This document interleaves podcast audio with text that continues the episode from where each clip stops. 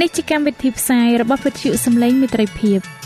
វិទ្យុសំឡេងមេត្រីភាពសូមស្វាគមន៍អស់លោកអ្នកស្ដាប់ទាំងអស់ជាទីមេត្រី នាងខ្ញុំសេកសុចិន្តាវតីហើយខ្ញុំបាទអង្គច័ន្ទវិជ្ជៈក៏សូមស្វាគមន៍លោកអ្នកស្ដាប់ទាំងអស់ផងដែរនៅពេលនេះយើងខ្ញុំមានសេចក្តីសុំមនស្សរីករាយដោយបានវិលមកជួបអស់លោកអ្នកនាងកញ្ញាអ្នកស្ដាប់សាជាថ្មីម្ដងទៀត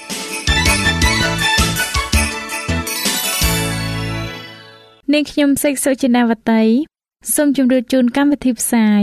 ដែលមានជាបន្តបន្ទាប់ដូចតទៅនេតិជួបជាមួយព្រះបន្ទូលនេតិសុខភាពចា៎លោកអ្នកស្ដាប់ជាទីមេត្រី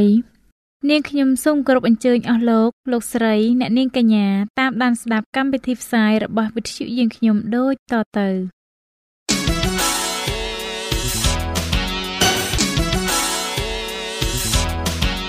នេតិជួបជាមួយព្រះបន្ទូល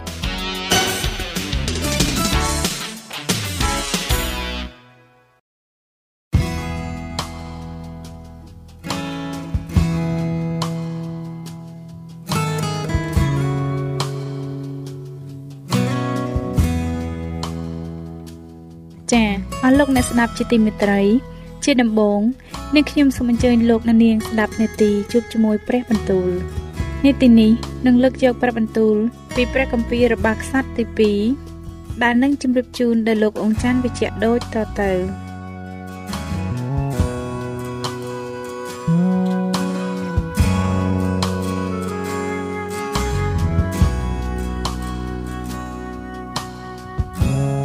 ព្រះគម្ពីររបាខ្សត្រទី2ចំពុកទី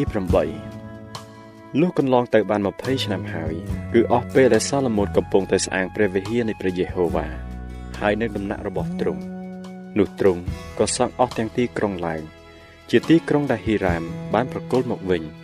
ហើយឲ្យពួកកូនចៅអ៊ីស្រាអែលអាស្រ័យនៅក្នុងទីក្រុងទាំងនោះសាឡូមោនទ្រង់ចេញទៅច្បាំង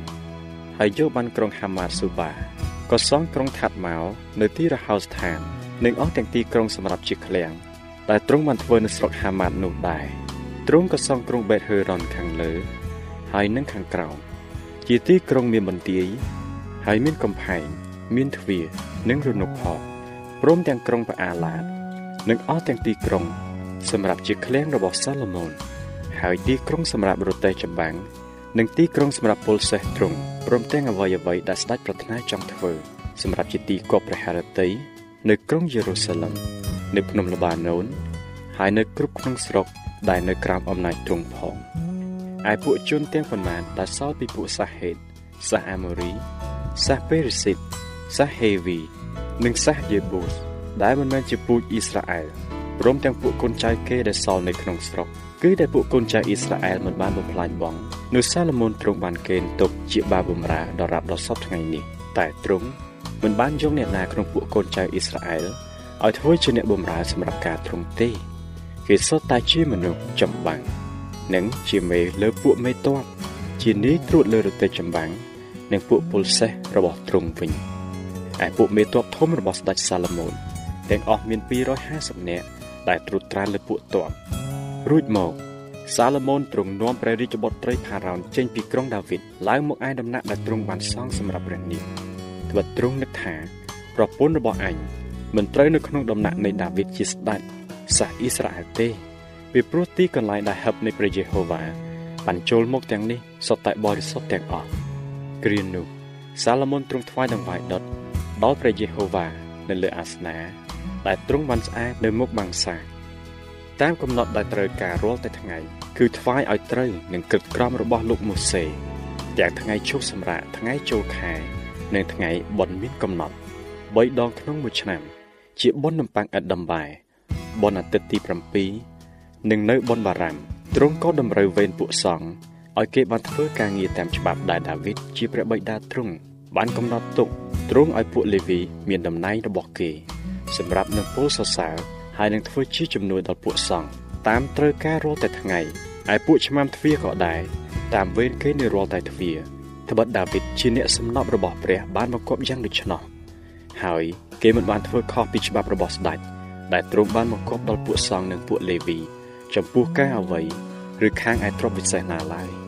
រីឯការទាំងអស់ដែលសាឡូមោនបានធ្វើនោះសុទ្ធតែបានធ្វើទុកជាស្រេចតាំងពីថ្ងៃដែលគេដាំឫសជញ្ជាំងនៃព្រះវិហារព្រះយេហូវ៉ារហូតដល់បានហើយដូច្នេះព្រះវិហារនៃព្រះយេហូវ៉ាបានស្អាងឡើងជាស្រេច រួចមកសាឡូមោនទ្រង់យាងទៅឯក្រុងអេសៀនកេបឺនិងក្រុងអេឡុតនៅមាត់សមុទ្រក្នុងស្រុកអេដុំចំណែកឯហីរ៉ាមទ្រង់ផ្ញើសំពៅមកដោយសារពួកទ្រង់ព្រមទាំងពួកអ្នកដែលស្គាល់ភាពសមុទ្រដល់សាឡូមោនអ្នកទាំងនោះក៏ទៅជាមួយនឹងពួករបស់សាឡូមោនដល់ស្រុកអូភីហើយគេយកបានមាស450ហាបពីស្រុកនោះមកថ្វាយដល់ស្ដេចសាឡូមោនព្រះគម្ពីររបស់ក្សត្រទី2ចំពុកទី9 កាលមហាក្សត្រីនៃស្រុកសេបា បានលើកកិត្តិនាមរបស់សាឡូមោននោះព្រះនាងក៏ជាមកដល់ក្រុងយេរូសាឡឹមដើម្បីលបងលោសាឡូមោនដោយប្រស្នាមានមនុស្សដង្ហែមកយ៉ាងសន្ធឹកក៏មានសត្វអូសជាច្រើនទុកដោយគ្រឿងក្រអូបនិងមាសជាបរិបូរហើយត្បូងមានតម្លៃផងលុះកាលព្រះនាងចូលមកគាល់សាឡូមោនហើយនោះក៏មានសវណ្ណីសន្តានីនឹងទ្រង់ពីគ្រប់ទាំងសេចក្តីដែលមាននៅក្នុងព្រះទ័យឯសាឡូមោន ទ្រង់ក៏ឆ្លើយស្រាយនៃគ្រប់អស់ទាំងសេចក្តីដែលព្រះនាងសួរឥតមានអ្វីលាក់កំបាំងដែលទ្រង់មិនបានស្រាយនៃថ្វាយព្រះនាងនោះទេ កាលមហាក្សត្រីស្រុកសេបា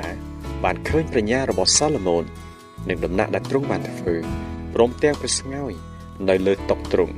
ទីលំនៅរបស់ពួកបម្រើទ្រង់សន្តានពួកបរិវាររបស់ទ្រង់និងគ្រឿងតែងកាយរបស់គេហើយពួកបម្រើថ្វាយពេញរបស់ទ្រង់និងសម្លៀកបំពាក់របស់គេ ហើយនឹងដង្វាយដុតដែលទ្រង់ថ្វាយក្នុងព្រះវិហារនៃព្រះយេហូវ៉ានោះព្រះនាងក៏ភាំងស្មារតីរួចមានសវណ្ណនៃទៅស្ដេចថាពាក្យដែលខ្ញុំម្ចាស់បានលើនិយាយនៅស្រុកខ្ញុំម្ចាស់ពីព្រះរាជកិច្ចនិងប្រាជ្ញារបស់ទ្រង់នោះក៏ពិតប្រាកដមែនប៉ុន្តែខ្ញុំម្ចាស់មិនបានជឿទេលុះត្រាតែបានមកឃើញនឹងភ្នែកខ្លួនឯងហើយមើលដំណឹងដែលខ្ញុំម្ចាស់បានលើពីប្រាជ្ញាដ៏ជាធំរបស់ទ្រង់នោះ គេថ្លែងប្រាប់មិនដល់ត្រឹមតែពាក់កណ្ដាលផង ទ្រង់លើសហួសពីកិត្តិនាមដែលខ្ញុំម្ចាស់បានលើទៅទៀតមានពោហើយ ពួកទ្រង់និងពួកអ្នកបម្រើនេះដែលឈរនៅចំពោះទ្រង់ជានិច្ចទាំងស្ដេចប្រាជ្ញារបស់ទ្រង់សូមឲ្យព្រះយេហូវ៉ាជាព្រះនៃទ្រង់បានព្រះពរដែលទ្រង់បានសពព្រះハរតីនិងព្រះករុណាដើម្បីនឹងលើព្រះករុណាឡើងឲ្យគង់លើបល្ល័ង្ករាជធ្វើជាស្ដេចថ្វាយព្រះយេហូវ៉ាជាព្រះនៃទ្រង់គឺដោយព្រោះព្រះនៃទ្រង់បានស្រឡាញ់សាសអ៊ីស្រាអែល ដោយប្រាថ្នានឹងតាំងឲ្យគេខ្ជាប់ខ្ជួនអស់កលជានិច្ចបានជាតាំងទ្រង់ឡើងជាស្ដេចលើគេដើម្បីនឹងសម្រេចសេចក្តីយុត្តិធម៌និងសេចក្តីសុចរិតរួចព្រះនាងក៏ថ្វាយមាស120ហាបហើយគ្រឿងក្រអូបយ៉ាងសន្ធឹកព្រមទាំងត្បូងមានតម្លៃដល់ស្ដេចមិនដែលមានគ្រឿងក្រអូបណាដូចអស់ទាំងគ្រឿងក្រអូបដែលមហាក្សត្រីស្រុកសេបាបានថ្វាយដល់ស្ដេចសាឡូមោននោះឡើយរីឯពួកសំពៅរបស់ហីរ៉ាមនិងពួករបស់សាឡូមោនដែលនាំយកមាសពីស្រុកអូភៀមក គេក៏យកឈើច័ន្ទនិងត្បូងមានតម្លៃមកផងដែរស្ដេចទ្រង់យកឈើច័ន្ទនោះធ្វើជាភ្នាក់ដៃសម្រាប់ព្រះវិហារនៃព្រះយេហូវ៉ាហើយសម្រាប់ដំណាក់ស្ដេចព្រមទាំងសុង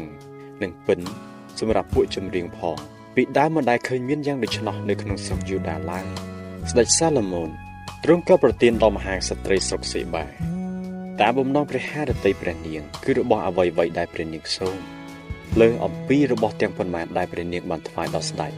ដូច្នេះព្រះនាងព្រមទាំងពួកពលបរិវារក៏វិលត្រឡប់ទៅឯស្រុករបស់ខ្លួនវិញទៅរីឯមាសដែលមានដល់សាឡូមោនក្នុងមួយឆ្នាំនោះមានទម្ងន់666ហាបក្រៅពីនោះមានមាសដែលមកដោយសារពួកលក់ដូរថែមទៀតហើយអស់ទាំងស្ដេចស្រុកអារ៉ាប់និងពួកចៅវាយស្រុកក៏យកមាសនិងប្រាក់មកថ្វាយសាឡូមោនដែរស្ដេចសាឡូមោនទ្រង់ផាយមាស ធ្វើខែលយ៉ាងធំ200បានយកមាស600ដំឡឹងដើម្បីនឹងធ្វើខែលនីមួយនីមួយហើយក៏ផាយមាសធ្វើខែលតូច300ក្នុងខែលនីមួយនីមួយមានមាស300ដំឡឹងរួចតម្កល់ទុកក្នុងដំណាក់លបាណូនមួយទៀតតែទ្រង់ធ្វើបល្ល័ង្កភ្លុកមួយយ៉ាងធំស្រោបដោយមាសសុទ្ធមានចិន្តា6ថ្នាក់ឡើងទៅឯបល្ល័ង្កនិងកំណល់កលជើងធ្វើពីមាសដែលជាប់នឹងបល្ល័ង្កក៏មានកំណល់ដៃទាំងសងខាងទីអង្គុយហើយមានរូបសង្ឃពីរ ឈរនៅក្បែរកំណល់ដៃនោះនិងរូបសង្ឃ12ឈរនៅទាំងសងខាង នៃថ្នាក់ចិន្តាទាំង6នោះដែរមិនដែលបានធ្វើបល្ល័ង្កនៅក្នុងនគរណាឲ្យដូចឡើយអស់ទាំងប្រដាប់ដែលសម្រាប់ឲ្យស្ដេចសាឡូមោនសោយគ្រឿងទឹកនោះសុទ្ធតែធ្វើពីមាសទាំងអស់ហើយអស់ទាំងប្រដាប់ប្រដានៅដំណាក់លបាណូនក៏ធ្វើពីមាសសុទ្ធដែរនៅក្នុងរាជនៃស្ដេចសាឡូមោននោះប្រាក់មិនសូវមានតម្លៃប៉ុន្មានទេត្បិតស្ដេចមានក្រុមនាវាដែលទៅឯតាសឹស ជាមួយនឹងពួកសំពៅរបស់ហ៊ីរ៉ាមដឹកនាំមាសប្រាក់ធ្លុកតូចនិងកងោកមករាល់តែ3ឆ្នាំ ត្រឡប់មកវិញម្ដងដូច្នេះស្ដេចសាឡូមោនទ្រង់មានព្រះរាជទ្រព្យនិងប្រាជ្ញាលើជាងអស់ទាំងស្ដេចនៅផែនដីហើយអស់ទាំងស្ដេចនៅផែនដីក៏រកចូលទៅគាល់ស្ដេចសាឡូមោនដើម្បីនឹងស្ដាប់ប្រាជ្ញា ដែលព្រះបានប្រទានមកក្នុងព្រះទ័យទ្រង់គ្រប់គ្នាក៏យកសុយសាអាករមកថ្វាយគឺជាគ្រឿងប្រាក់គ្រឿងមាស សម្លៀកបំពាក់គ្រឿងសាស្ត្រាវុធសេះនិងលាកាត់តាមកំណត់រាល់តែឆ្នាំសាឡូមោនទ្រង់មានរោងសម្រាប់សេះហើយរទេះចម្បាំង4000បន្ទុកក៏មានពលសេះ12000នាក់ទ្រង់ញែកដាក់ឲ្យនៅទីក្រុង ដែលសម្រាប់រទេះចម្បាំងទាំងប៉ុន្មានហើយនៅជាមួយនឹងទ្រង់ក្នុងក្រុងយេរូសាឡឹមដែរទ្រង់ក៏មានអំណាចលើអស់ទាំងស្ដេចចាប់តាំងពីទន្លេរហូតដល់ស្រុកភីលីស្ទីនហើយដល់ព្រំស្រុកអេស៊ីបផងស្ដេចទ្រង់ធ្វើឲ្យមានប្រាក់សម្បូរ នៅក្រុងយេរូសាឡឹមដូចជាថ្ម ហើយឲ្យមានដើមតាត្រៃជាបរិបូរណ៍ដូចជាដើមឧត្តមពលដែលដុះនៅស្រុកទំនាបគេក៏នាំយកសេះពីស្រុកអេស៊ីបហើយពីស្រុកទាំងអស់មកថ្វាយទ្រង់ដែររីឯដំណើរឯទៀតពីស្ដេចសាឡូមោនទាំងមុនទាំងក្រោយនោះសុទ្ធតែបានកត់ទុកនៅក្នុងពងសាវតាដែលហោរាណាឋានបានតែងនៅក្នុងសេចក្តីទំនាយនៃអាហ៊ីយ៉ាជាអ្នកស្រុកស៊ីឡូហើយក្នុងរឿងពីការជាស្ដែងរបស់អ៊ីដាវជាអ្នកមើលឆុត ដែលលោកឃើញពីដំណើរយេរូបោមជាកូននៃបាទហើយសាឡូមោនទ្រង់សោយរាជលើពួកអ៊ីស្រាអែលទាំងអស់នៅក្រុងយេរូសាឡឹមបាន40ឆ្នាំរួចសាឡូមោនទ្រង់ផ្ទុំលក់ទៅជាមួយនឹងពួកអាយកោទុំទៅ ហើយគេបញ្ចុះសពទ្រង់នៅក្នុងក្រុងរបស់ដាវីតជាព្រះបិតាទ្រង់នោះរេហូបោមជាព្រះរាជបុត្រាក៏ឡើងសោយរាជជំនួសព្រះបិតាព្រះគម្ពីររបស់ក្សត្រទី2ចំពោះទី10 ឯរេហូបោមទ្រង់យាងទៅដល់ក្រុងស៊ីកេមត្បិតពួកអ៊ីស្រាអែលទាំងអស់គ្នាបានមូលមកឯក្រុងស៊ីកេមដើម្បីនឹងតាំងទ្រង់ឡើងជាស្ដេចរីឯយេរូបោមជាកូននេបាតដែលនៅស្រុកអេស៊ីបជាកន្លែងដែលបានរត់ទៅហើយរួចពីស្ដេចសាឡូមោនកាបានលើកដំណឹងនោះលោកក៏ចេញពីស្រុកអេស៊ីបមកវិញហើយគេចាត់ទៅហៅលោកមករួចលោកនិងពួកអ៊ីស្រាអែលទាំងអស់ក៏មកករេហូបោមទូលថាព្រះបិតាទ្រង់បានធ្វើឲ្យនឹមជើងធ្ងន់ពេកណាស់ ដូច្នេះសូមទ្រង់មេត្តាប្រោះឲ្យការតឹងរឹងរបស់ព្រះបិតាទ្រង់នឹងនឹមយ៉ាងធ្ងន់ដែលទ្រង់បានដាក់លើយើងខ្ញុំបានស្រាវចេញនោះយើងខ្ញុំនឹងប្រព្រឹត្តតាមទ្រង់ទ្រង់មានបន្ទូលឆ្លើយថាចាំ3ថ្ងៃទៀតសូមត្រឡប់មកឲ្យយើងវិញបណ្ដាជនទាំងឡាយក៏បង្គំលាទៅស្ដេចរេហូបោមទ្រង់ប្រឹក្សានឹងពួកចាស់ចាស់ជាពួកចំណិតនៃសាឡូមោនព្រះបិតាទ្រង់ក្នុងការដែលមានប្រជជននៅឡើយថាតាមគំនិតរបស់អ្នករាល់គ្នា នោះតើត្រូវឆ្លើយនឹងពួករាជនេះយ៉ាងដូចម្ដេចគេក៏ទូលឆ្លើយថាបើសិនជាទ្រង់ប្រព្រឹត្តនឹងបណ្ដាជននេះដោយសប្បុរសហើយប្រកបដោយចិត្តគេព្រមទាំងមានបន្ទូលនឹងគេដោយពាក្យផ្អែមល្ហែមនោះគេនឹងនៅជាអ្នកបម្រើរបស់ទ្រង់ជាដរាបទៅប៉ុន្តែទ្រង់មិនព្រមតាមគំនិតនៃពួកចាស់ចាស់ទាំងនោះទេគឺទ្រង់ទៅប្រឹក្សានឹងពួកក្មេងៗស្រកនឹងទ្រង់ជាពួកចំណិតរបស់ទ្រង់វិញដោយបន្ទូលថា អ្នករាល់គ្នាគិតយ៉ាងណាតើត្រូវឲ្យយើងឆ្លើយនឹងពួកសាសនេះដូចម្ដេច ដែលគេបានសូមយើងថាសូមមេត្តាប្រោះឲ្យនឹមដែលព្រះបិតាទ្រង់បានដាក់លើយើងរាល់គ្នាបានស្រាប់ទៅរួចពួកក្មេងៗដែលស្រកនឹងទ្រង់គេទូលថាឯពួករាជនេះ ដែលមកទូលសូមទ្រង់ថាព្រះបិតាទ្រង់បានធ្វើឲ្យនឹមជើងខ្ញុំរាល់គ្នាធ្ងន់ពេកសូមទ្រង់មេត្តាប្រោះឲ្យបានស្រាលដល់យើងខ្ញុំវិញដូច្នេះនោះត្រូវឲ្យទ្រង់មានបន្ទូលឆ្លើយនឹងគេយ៉ាងនេះវិញថា កូនដៃយើងនឹងបានធំជាងផ្លូវរបស់ព្រះបិតាយើង ហើយព្រះបិតាយើងទ្រង់បានដាក់នឹមយ៉ាងធ្ងន់លើឯងរាល់គ្នា តែឥឡូវនេះយើងនឹងមកថែមឲ្យនឹមឯងរាល់គ្នាបានធ្ងន់ជាងទៅទៀតព្រះបិតាយើងបានវាផ្ចាលឯងរាល់គ្នាដោយរពាត់តែយើងនឹងវាផ្ចាលឯងរាល់គ្នាដោយខ្យាដំរីវិញលុះដល់ថ្ងៃទី3យេរូបោមនិងបណ្ដាជនទាំងឡាយក៏មកគាល់រេហូបោមដោយជាទ្រង់បង្គាប់ដោយបន្ទូលថាដល់ថ្ងៃទី3ចូលឯងរាល់គ្នាត្រឡប់មកឲ្យយើងវិញនោះស្ដេចទ្រង់មានបន្ទូលឆ្លើយដល់គេ ជាពាក្យគំរោះគំរើយឥ តតាមគំនិតរបស់ពួកចាស់ចាស់ឡើយគឺទ្រង់បានមានបន្ទូលទៅគេ តាមគំនិតរបស់ពួកក្មេងៗនោះវិញថាបិតាយើងបានធ្វើឲ្យនឹមឯងរកគ្នាមានទម្ងន់តែយើងនឹងបន្ថែមឲ្យនឹមឯងរកគ្នា បានធ្ងន់ជាងទៅទៀតបិតាយើងបានវាផ្ចាល់ឯងរកគ្នាដោយរំពាត់តែយើងនឹងវាផ្ចាល់ឯងរកគ្នាដោយខ្យាដំរីវិញស្ដេចទ្រង់មិនព្រមស្ដាប់តាមបណ្ដាជនទេត្បិតការនោះកើតមកអំពីព្រះយេហូវ៉ា ដើម្បីនឹងសម្រេចតាមសេចក្តីដែលទ្រង់បានមានបន្ទូលនឹងយេរូបោមជាកូននេបាតដោយសារអហ៊ីយ៉ាជាអ្នកស្រុកស៊ីឡូលុះកាលពួកអ៊ីស្រាអែលទាំងប៉ុន្មានបានឃើញថា ស្ដេចមិនបានព្រមស្ដាប់តាមគេដូច្នោះនោះគេទូលតបថាតែយើងរកគ្នាមានចំណែកអ្វីខាងដាវីតយើងក៏គ្មានមរតកជាមួយនឹងកូនចៅអ៊ីសាយដែរអោពួកអ៊ីស្រាអែលអើយចូលយើងវិលទៅផ្ទះរៀងខ្លួនវិញទៅឥឡូវនេះដាវីតអើយ ចូលមើលព្រះវង្សរបស់ខ្លួនឯងចុះដូច្នេះពួកអ៊ីស្រាអែលទាំងអស់ក៏ត្រឡប់ទៅឯទីលំនៅគេវិញទៅតែឯពួកកូនចៅអ៊ីស្រាអែលដែលនៅក្នុងអស់ទាំងទីក្រុងរបស់ពួកយូដានៅរេហូបោមបានសោយរាជលើគេវិញរួចមកស្ដេចរេហូបោមទ្រង់ចាត់អាដូរ៉ាមដែលត្រួតលើពួកកំណែនឲ្យទៅ តែពួកអ៊ីស្រាអែលទាំងអស់គ្នា គេចោលលោកនឹងថ្មសម្លាប់ទៅដូច្នេះស្ដេចរេហូបោមក៏ប្រញាប់ប្រញាល់នឹងឡើងព្រះរាជរថ រត់ទៅឯក្រុងយេរូសាឡឹមដែលពួកអ៊ីស្រាអែលបានបោះបោនឹងរាជវង្សនៃដាវីតដរាបដល់សពថ្ងៃនេះ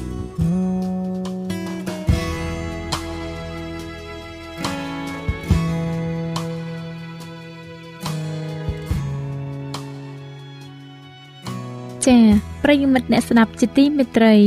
ដោយពេលវេលាមានកំណត់ យើងខ្ញុំសូមផ្អាកនាទីជប់ជាមួយព្រះបន្ទូលនេះត្រឹមតែប៉ុណ្ណេះសិនចុះដោយសន្យាថា នឹងលើកយកនីតិនេះមកជម្រាបជូនជាបន្តទៀតនៅថ្ងៃស្អែកសូមអរគុណ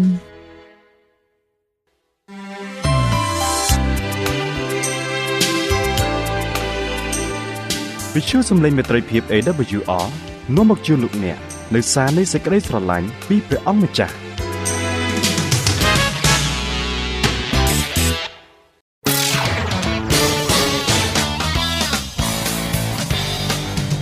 សូមជូននីតិសុខភាព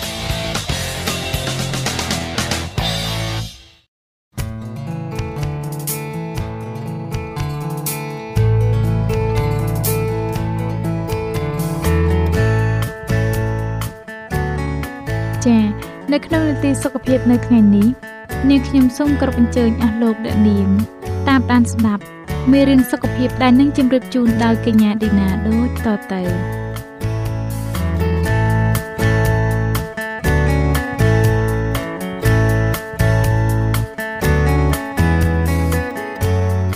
នាងខ្ញុំសូមជម្រាបសួរអស់លោកអ្នកស្ដាប់ជាទីមេត្រី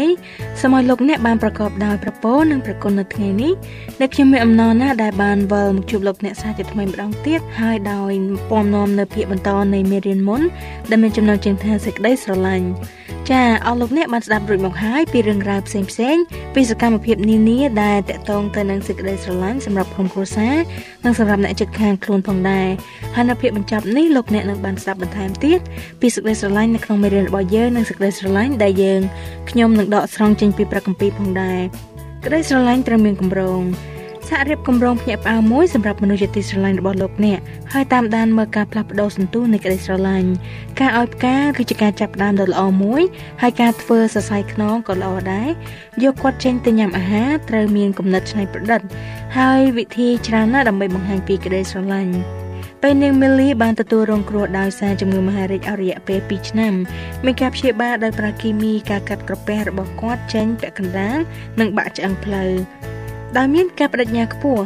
នាងប្រឹងក្រោកចេញពីគ្រែទៅជិះរទេះរុញរួចរៀនដើររហូតអាចដើរបានដោយកាន់ឈើច្រត់ចនមានកម្រងបញ្ចេញសកម្មភាពក្តីស្រឡាញ់ចំពោះមីលីដោយដឹងគុណព្រះដែលបានជួយព្យាបាលនាងនាងអាចដើរបានដោយអពុធហេតុចំបញ្ចប់នាងបានជាសះស្បើយល្មមអាចរួមដំណើរកំសាន្តរបស់អ្នករកស៊ី ទៅជាមួយចនទៅឯប្រទេសឈីលីនិងអាសង់ទីនបើទោះបីជានាងត្រូវដើរដល់កាន់ចេះជ្រុតក្តីបន្ទាប់ពីបានបញ្ចប់ការងាររបស់គាត់នៅឯសាកលវិទ្យាល័យនៅប្រទេសឈីលីចនក៏ប្រកាសថាបងមានកម្រងភ្ញាក់ផ្អើលមួយដើម្បីបង្ហាញឲ្យអូនដឹងថាអូនសំខាន់ប៉ុណ្ណាសម្រាប់បង យើងនឹងប្រារព្ធពិធីមួយគឺប្រារព្ធពិធីមួយសម្រាប់ជីវិតរបស់អូន កាលនោះអូនឈឺធ្ងន់ណាស់ដំណើរកំសាន្តនេះគឺបងរៀបចំសម្រាប់តែអូននេះគឺជាកម្មវិធីបងអរប្រគុណដល់ព្រះនិងបង្ហាញអូនថាបងមានក្តីត្រេកអរប៉ុណ្ណាដែលនៅមានអូនដូច្នេះយើងនឹងធ្វើពិធីដឹងគុណសម្រាប់ជីវិតរបស់អូននៅឯទឹកធ្លាក់ Igazu ដែលជាទឹកធ្លាក់ធំជាងគេនៅលើពិភពលោកនេះហើយយើងនឹងទៅស្នាក់នៅឯសន្តាគារ Sheraton Igazu ជាសន្តាគារតែមួយគត់នៅខាងអាសង់ទីនដែលអូនអាចមើលទឹកធ្លាក់ពីបង្អួចបន្ទប់កេងបាន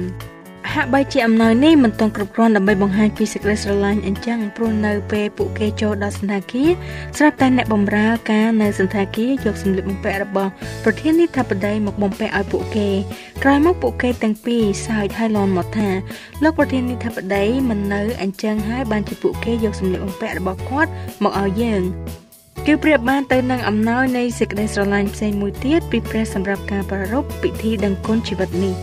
កាលពីនាងមីលលីឈឺធ្ងន់ចនបាននិយាយថាបងស្រឡាញ់អូនតាមវិធីជាច្រើនគាត់អង្គុយជាប់នឹងគ្រែរបស់មីលីក្នុងមន្ទីរពេទ្យរងចាំនាងដឹងខ្លួនពីថ្នាំសន្លប់ជួនកាលគេនៅលើកៅអីពេញមួយយប់នៅចិត្តគ្រែរបស់នាងហើយអានសៀវភៅឲ្យនាងស្ដាប់រាប់ម៉ោងក៏មាន គាត់រៀបចំតារាងនៃការប្រើប្រាស់ថ្នាំព្រមទាំងជួយបីនាងនៅពេលនាងសន្លប់ម្ដងម្ដងគាត់ដាក់ថង់តកកស្អំនៅពេលដែលនាងឡើងកម្ដៅដល់40អង្សាកន្លះនៅពេលដែលជំងឺរបស់នាងមីលីកាន់តែធ្ងន់ធ្ងរទៅធ្ងន់ធ្ងរទៅគាត់បញ្ចុកអាហារផងស្លៀកពាក់ឲ្យនាងផងហើយទៅទិញនិងចម្អិនម្ហូបអាហារនិងធ្វើកិច្ចការផ្ទះទាំងអស់ការយកនាងទៅលេងទឹកធ្លាក់ Igazu គឺគ្រាន់តែជាវិធីផ្សេងមួយទៀតដើម្បីបង្ហាញពីសេចក្តីស្រឡាញ់តែប៉ុណ្ណោះ តែគឺជាវិធីដ៏ពិសេសមួយតម្រូវឲ្យមានការគិតគូរនិងរៀបចំគម្រោងទុកជាមុនសេចក្តីស្រឡាញ់គឺជាការធ្វើដំណើរការមួយលោកអ្នកអាចធ្វើឲ្យដំណើរនេះក្លាយទៅជាដំណើរដែលមិនអាចបំភ្លេចបានដែលឧស្សាហ៍និយាយថាបងស្រឡាញ់អូនឬអូនស្រឡាញ់បងដោយការអធិស្ឋានឲ្យគ្នាទៅវិញទៅមកដោះស្រាយបញ្ហារួមគ្នាការសើចសប្បាយមើលតែផ្លូវវិជ្ជមានដើរកំសាន្តទៅកន្លែងថ្មីថ្មីផ្សងព្រេងស្រឡាញ់គ្នានិងចេះជួយយកអាសាគ្នាទៅវិញទៅមក នៅតាមផ្លូវដែលលំបាក អ្នកនៅលីវក៏អាចយកដំណើរនៃក្តីស្រឡាញ់នេះជាមួយមិត្តភ័ក្តិព្រមទាំងដោយការចែកចាយរំលែកការងារនៃសេចក្តីស្រឡាញ់ដល់អ្នកដទៃផង ចាត្រង់នេះមានន័យថាលោកអ្នកអាចបង្កើតក្តីស្រឡាញ់ឲ្យដកជាប់នឹងបេះដូងជានិរន្តរ៍ ចាហើយជាបន្តទៅទៀតនេះសូមលោកអ្នកស្ដាប់ពីគំនិតឬសំណួរសម្រាប់ពិចារណាចាទី1ចូលរំលឹកពីពេលណាមួយដែលលោកអ្នកបានឃើញសកម្មភាពនៃសេចក្តីស្រឡាញ់ឬពេលណាមួយដែលលោកអ្នកធ្វើសកម្មភាពនៃសេចក្តីស្រឡាញ់ហើយធ្វើឲ្យអ្នកនោះទទួលបានអារម្មណ៍ស្រឡាញ់ពីអ្នកទី2តើមេរៀននៃក្តីស្រឡាញ់បានអប់រំអ្វីខ្លះដល់លោកអ្នកទី3តើយើងអាចបង្រៀនកូនកូនបង្រៀនក្មេងជំទង់និងចៅចៅរបស់យើងឲ្យធ្វើសកម្មភាពនៃក្តីស្រឡាញ់ចំពោះក្រុមគ្រួសារនិងអ្នកដទៃបានដោយរបៀបណា និងទី4សាកឆ្លុះបញ្ចាំងពីសេចក្តីស្រឡាញ់របស់ព្រះថាតើសេចក្តីស្រឡាញ់របស់ទ្រង់មានសន្តានឬលក្ខណៈបែបណាចាឥឡូវនេះសូមលោកអ្នកសួរសំណួរមួយដល់រូបលោកអ្នកផ្ទាល់ថាតើថ្មីថ្មីនេះខ្ញុំបានធ្វើអ្វីខ្លះដែលបញ្ជាក់បានថាខ្ញុំជាមនុស្សមានសេចក្តីស្រឡាញ់ចាអរលោកអ្នកស្ដាប់ជាទីមេត្រីមុននឹងបញ្ចប់មេរៀនរបស់យើងនៅពេលនេះ នាងខ្ញុំនឹងដកស្រង់ពីអត្ថន័យពិតចេញពីព្រះគម្ពីរដោយដែលនាងខ្ញុំបានជម្រាបពីខាងដើមមេរៀនរបស់យើងហើយថាតើសេចក្តីស្រឡាញ់ពិតប្រាកដជាអ្វីចាជាដំបូងនេះខ្ញុំសូមដកស្រង់សេចក្តីស្រឡាញ់ចេញពីព្រះគម្ពីរករិនថូសទី1ចំពុកទី13ពីខ4ដល់ខ7ដែលបានចែងថាឯសេចក្តីស្រឡាញ់តែងតែអត់ធ្មត់ហើយក៏សប្បុរសសេចក្តីស្រឡាញ់មិនចេះឈ្នះនេះមិនចេះអួតខ្លួនក៏មិនដែលមានចិត្តធំផង មិនដែលប្រព្រឹត្តបែបមិនគួរសមមិនដែលរកប្រយោជន៍ផ្ទាល់ខ្លួនមិនរហ័សខឹងមិនប្រកាន់ទោសមិនដែលអសប្បាយចំពោះសេចក្តីសុចរិតឡើយគឺអសប្បាយតែនឹងសេចក្តីស្មោះត្រង់វិញក៏គ្រប់បាំងទាំងអស់ជឿទាំងអស់សង្ឃឹមទាំងអស់ហើយព្រមទ្រទាំងអស់ចាខាងលើនេះនិយមន័យពិតប្រាកដរបស់សេចក្តីស្រឡាញ់ហើយมันមាននិយមន័យណាផ្សេងទៀតសម្រាប់សេចក្តីស្រឡាញ់នោះទេរីឯអ្នកខ្លះលើកឡើងថាស្នេហាឬសេចក្តីស្រឡាញ់ជាការឈឺចាប់ជាភាពឯកា ជាត្រាំពលជាដើមតាមពិតទៅចំណុចអវិជ្ជមានទាំងនោះមិនមែនជាសេចក្តីស្រឡាញ់ទេវាជាការខ្វះសេចក្តីស្រឡាញ់ទៅវិញទេបើមានសេចក្តីស្រឡាញ់ពិតវាមិនមានរឿងរ៉ាវនឹងកើតឡើងទេចា៎នេះខ្ញុំសូមបញ្ជាក់ម្ដងទៀតថាជាការខ្វះសេចក្តីស្រឡាញ់ពិតប្រាកដចា៎តើសេចក្តីស្រឡាញ់មានអត្តពលយ៉ាងណាទៅវិញនៅក្នុងបទចម្រៀងរបស់ស្ដេចសាឡូមោនចំពុកទី8ខ7បានចែងថា ទឹកជាច្រើនយ៉ាងណាក៏មិនអាចនឹងពន្លត់សេចក្តីស្រឡាញ់បានឡើយទឹកចំនួននឹងពន្លិចក៏មិនបានដែរទោះបានអ្នកណានឹងចំណាយទ្រព្យសម្បត្តិនៅផ្ទះខ្លួនអស់រលីងឲ្យបានសេចក្តីស្រឡាញ់គង់តែអ្នកនោះនឹងត្រូវបានសេចក្តីមើងងាយទៅទេទៅទេវិញចាលោកអ្នកឃើញហើយថាសេចក្តីស្រឡាញ់មានអត្តពលធំធេងហើយมันអាចមានអ្នកណាអាចតែងសេចក្តីស្រឡាញ់ពិតប្រាកដបានទេព្រោះសេចក្តីស្រឡាញ់ពិតប្រាកដចេញពីចិត្តមក ចាសសេចក្តីស្រឡាញ់របស់ព្រះចំពោះមនុស្សព្រះគម្ពីរយូហានចំពុកទី3ខ16បានចែងថាត្បិតព្រះទ្រង់ស្រឡាញ់មនុស្សលោកដល់ម្លេះបានជាទ្រង់ប្រទានព្រះរាជបត្រារបស់ទ្រង់តែមួយដើម្បីឲ្យអ្នកណាដែលជឿដល់ព្រះរាជបត្រានោះមិនត្រូវវិនិច្ឆ័យឡើយគឺឲ្យមានជីវិតអកលជានិច្ចវិញខ17ពីព្រោះព្រះទ្រង់មិនបានចាត់ព្រះយុវត្រាទ្រង់ឲ្យមកក្នុងលោកីដើម្បីនឹងជំនុំជម្រះលោកីនោះទេ គឺឲ្យលោកីបានសង្គ្រោះដោយសារទ្រង់វិញ ព្រះគម្ពីរយូហានចំពុកទី15ខ13បានចែងថាគ្មានអ្នកណាមានសេចក្តីស្រឡាញ់ធំជាងនេះគឺដែលអ្នកណានឹងបដូរជីវិតជំនួសពួកសម្លាញ់របស់ខ្លួននោះទេព្រះគម្ពីររ៉ូមចំពុកទី5ខ8បានចែងថាតែឯព្រះទ្រង់សម្ដែងសេចក្តីស្រឡាញ់របស់ទ្រង់ដល់យើងរាល់គ្នាឲ្យឃើញច្បាស់ដោយព្រះគ្រីស្ទបានសគត់ជំនួសយើងរាល់គ្នានៅក្នុងការដែលយើងនៅមានបាបនៅឡើយផងព្រះគម្ពីរអេពីសូតចំពុកទី4ខ4និងខ5បានចែងថា ប៉ុន្តែព្រះដែលទ្រង់មានសេចក្តីមេត្តាករុណាដល់លើសលប់ដែលព្រោះសេចក្តីស្រឡាញ់ជាខ្លាំងដែលទ្រង់មានដល់យើងរាល់គ្នាក្នុងការដែលយើងនៅស្លាប់ក្នុងការរំលងនៅឡើយលោកទ្រង់បានប្រាស់ឲ្យយើងរាល់គ្នាបានរស់ជាមួយនឹងព្រះគ្រីស្ទគឺដោយព្រះគុណដែលអ្នករាល់គ្នាបានសង្គ្រោះចាខាងក្រោមនេះជាព្រះបន្ទូលដែលព្រះឲ្យយើងស្រឡាញ់ដល់ខ្មាស់សត្រូវរបស់ខ្លួនព្រះគម្ពីរម៉ាថាយចំពុកទី5ខ43ដល់ខ45បានចែងថាអ្នករកគ្នាបានលើសេចក្តីដែលថ្លែងទុកមកថា ចូលស្រឡាញ់អ្នកជិតខាងឯងតែស្អប់ខ្មាស់សត្រូវឯងវិញប៉ុន្តែខ្ញុំប្រាប់ថាត្រូវស្រឡាញ់ពួកខ្មាស់សត្រូវត្រូវឲ្យពោដល់អស់អ្នកណាដែលប្រតិបត្តិសាត្រូវប្រព្រឹត្តល្អនឹងអ្នកណាដែលស្អប់អ្នករកគ្នាហើយត្រូវអធិដ្ឋានឲ្យអ្នកណាដែលធ្វើទុកបៀតបៀនដល់អ្នករកគ្នាវិញ ដើម្បីឲ្យបានធ្វើជាកូនរបស់ព្រះវរបិតានៃអ្នករកគ្នាដែលគង់នៅស្ថានសួគ៌ព្រោះទ្រង់ធ្វើឲ្យថ្ងៃរបស់ទ្រង់រះឡើងបំភ្លឺទាំងមនុស្សអាក្រក់និងមនុស្សល្អហើយទ្រង់បង្អុលឲ្យភ្លៀងធ្លាក់មកលើទាំងមនុស្សសុចរិតនិងមនុស្សទុច្ចរិតផងព្រះគម្ពីររ៉ូមជំពូកទី12ខ20ដល់ខ21បានចែងថាដូច្នេះបើសិនជាខ្មាំងសត្រូវអ្នកឃ្លាននោះចុះឲ្យគេបរិភោគចុះបើគេស្រេចុះឲ្យផឹកទៅបើប្រព្រឹត្តដូច្នោះនោះដូចជាអ្នកបានប្រមូលរងើកភ្លើងដាក់លើក្បាលគេវិញ កុំឲ្យសេចក្តីអាក្រក់ឈ្នះអ្នកឡើយត្រូវឲ្យអ្នកឈ្នះសេចក្តីអាក្រក់ដោយសារសេចក្តីល្អវិញចាហើយនេះជាព្រះបន្ទូលដែលព្រះឲ្យយើងស្រឡាញ់ដល់អ្នកជិតខាងរបស់ខ្លួនព្រះគម្ពីរម៉ាកុសជំពូកទី12ខ31បានចែងថាឯបញ្ញត្តិទី2ក៏បែបដូចគ្នាគឺថាត្រូវឲ្យស្រឡាញ់អ្នកជិតខាងដូចខ្លួនឯងគ្មានបញ្ញត្តិណាទៀតធំជាងបទទាំងពីរនេះទេព្រះគម្ពីររ៉ូមជំពូកទី13ខ8បានចែងថា កុំឲ្យចម្ពាក់អ្វីដល់អ្នកណាឡើយចម្ពាក់បានតែសេចក្តីស្រឡាញ់ដល់គ្នាទៅវិញទៅមកប៉ុណ្ណោះត្បិតអ្នកដែលស្រឡាញ់ដល់គេនោះបានធ្វើសម្រេចតាមក្រឹតវិន័យហើយព្រះគម្ពីរកាឡាទីជំពូកទី5ខ13ដល់ខ14បានចែងថា បងប្អូនអើយព្រះទ្រង់បានហៅអ្នករកគ្នាមកឲ្យមានសេរីភាពតែកុំឲ្យប្រើសេរីភាពនោះទុកជាឱកាសដល់សាច់ឈាមឡើយគឺត្រូវបម្រើគ្នាទៅវិញទៅមកដោយសេចក្តីស្រឡាញ់វិញ ត្បិតក្រឹតវិន័យទាំងមូលបានសម្រេចមកក្នុងពាក្យតែមួយម៉ាត់នេះថាចុះឯងស្រឡាញ់អ្នកជិតខាងដូចខ្លួនឯងចាហើយខព្រះគម្ពីរចុងក្រោយគឺសូមឲ្យលោកអ្នកស្រឡាញ់ដល់ព្រះនិងកាន់តាមបញ្ញត្តិរបស់ទ្រង់ចុះព្រះគម្ពីរលូកាជំពូកទី10ខ27បានចែងថា ឯងត្រូវស្រឡាញ់ព្រះអង្គម្ចាស់ជាព្រះនៃឯងឲ្យអស់អំពីចិត្តអស់អំពីព្រលឹងអស់អំពីកម្លាំងហើយអស់អំពីគំនិតឯងព្រមទាំងអ្នកចិត្តខាងដោយខ្លួនឯងដែរព្រះគម្ពីរយូហានជំពូកទី14ខ15បានចែងថាបើអ្នករកគ្នាស្រឡាញ់ខ្ញុំចូលកាន់តាមបញ្ញត្តិរបស់ខ្ញុំចុះចាគ្រប់ការងារធំតូចគ្រប់បញ្ហាលំបាកលំបាកដែលហួសពីសមត្ថភាពរបស់យើងឲ្យតែមានសេចក្តីស្រឡាញ់របស់ព្រះនិងគ្មានអ្វីដែលថាដោះស្រាយមិនបានឡើយ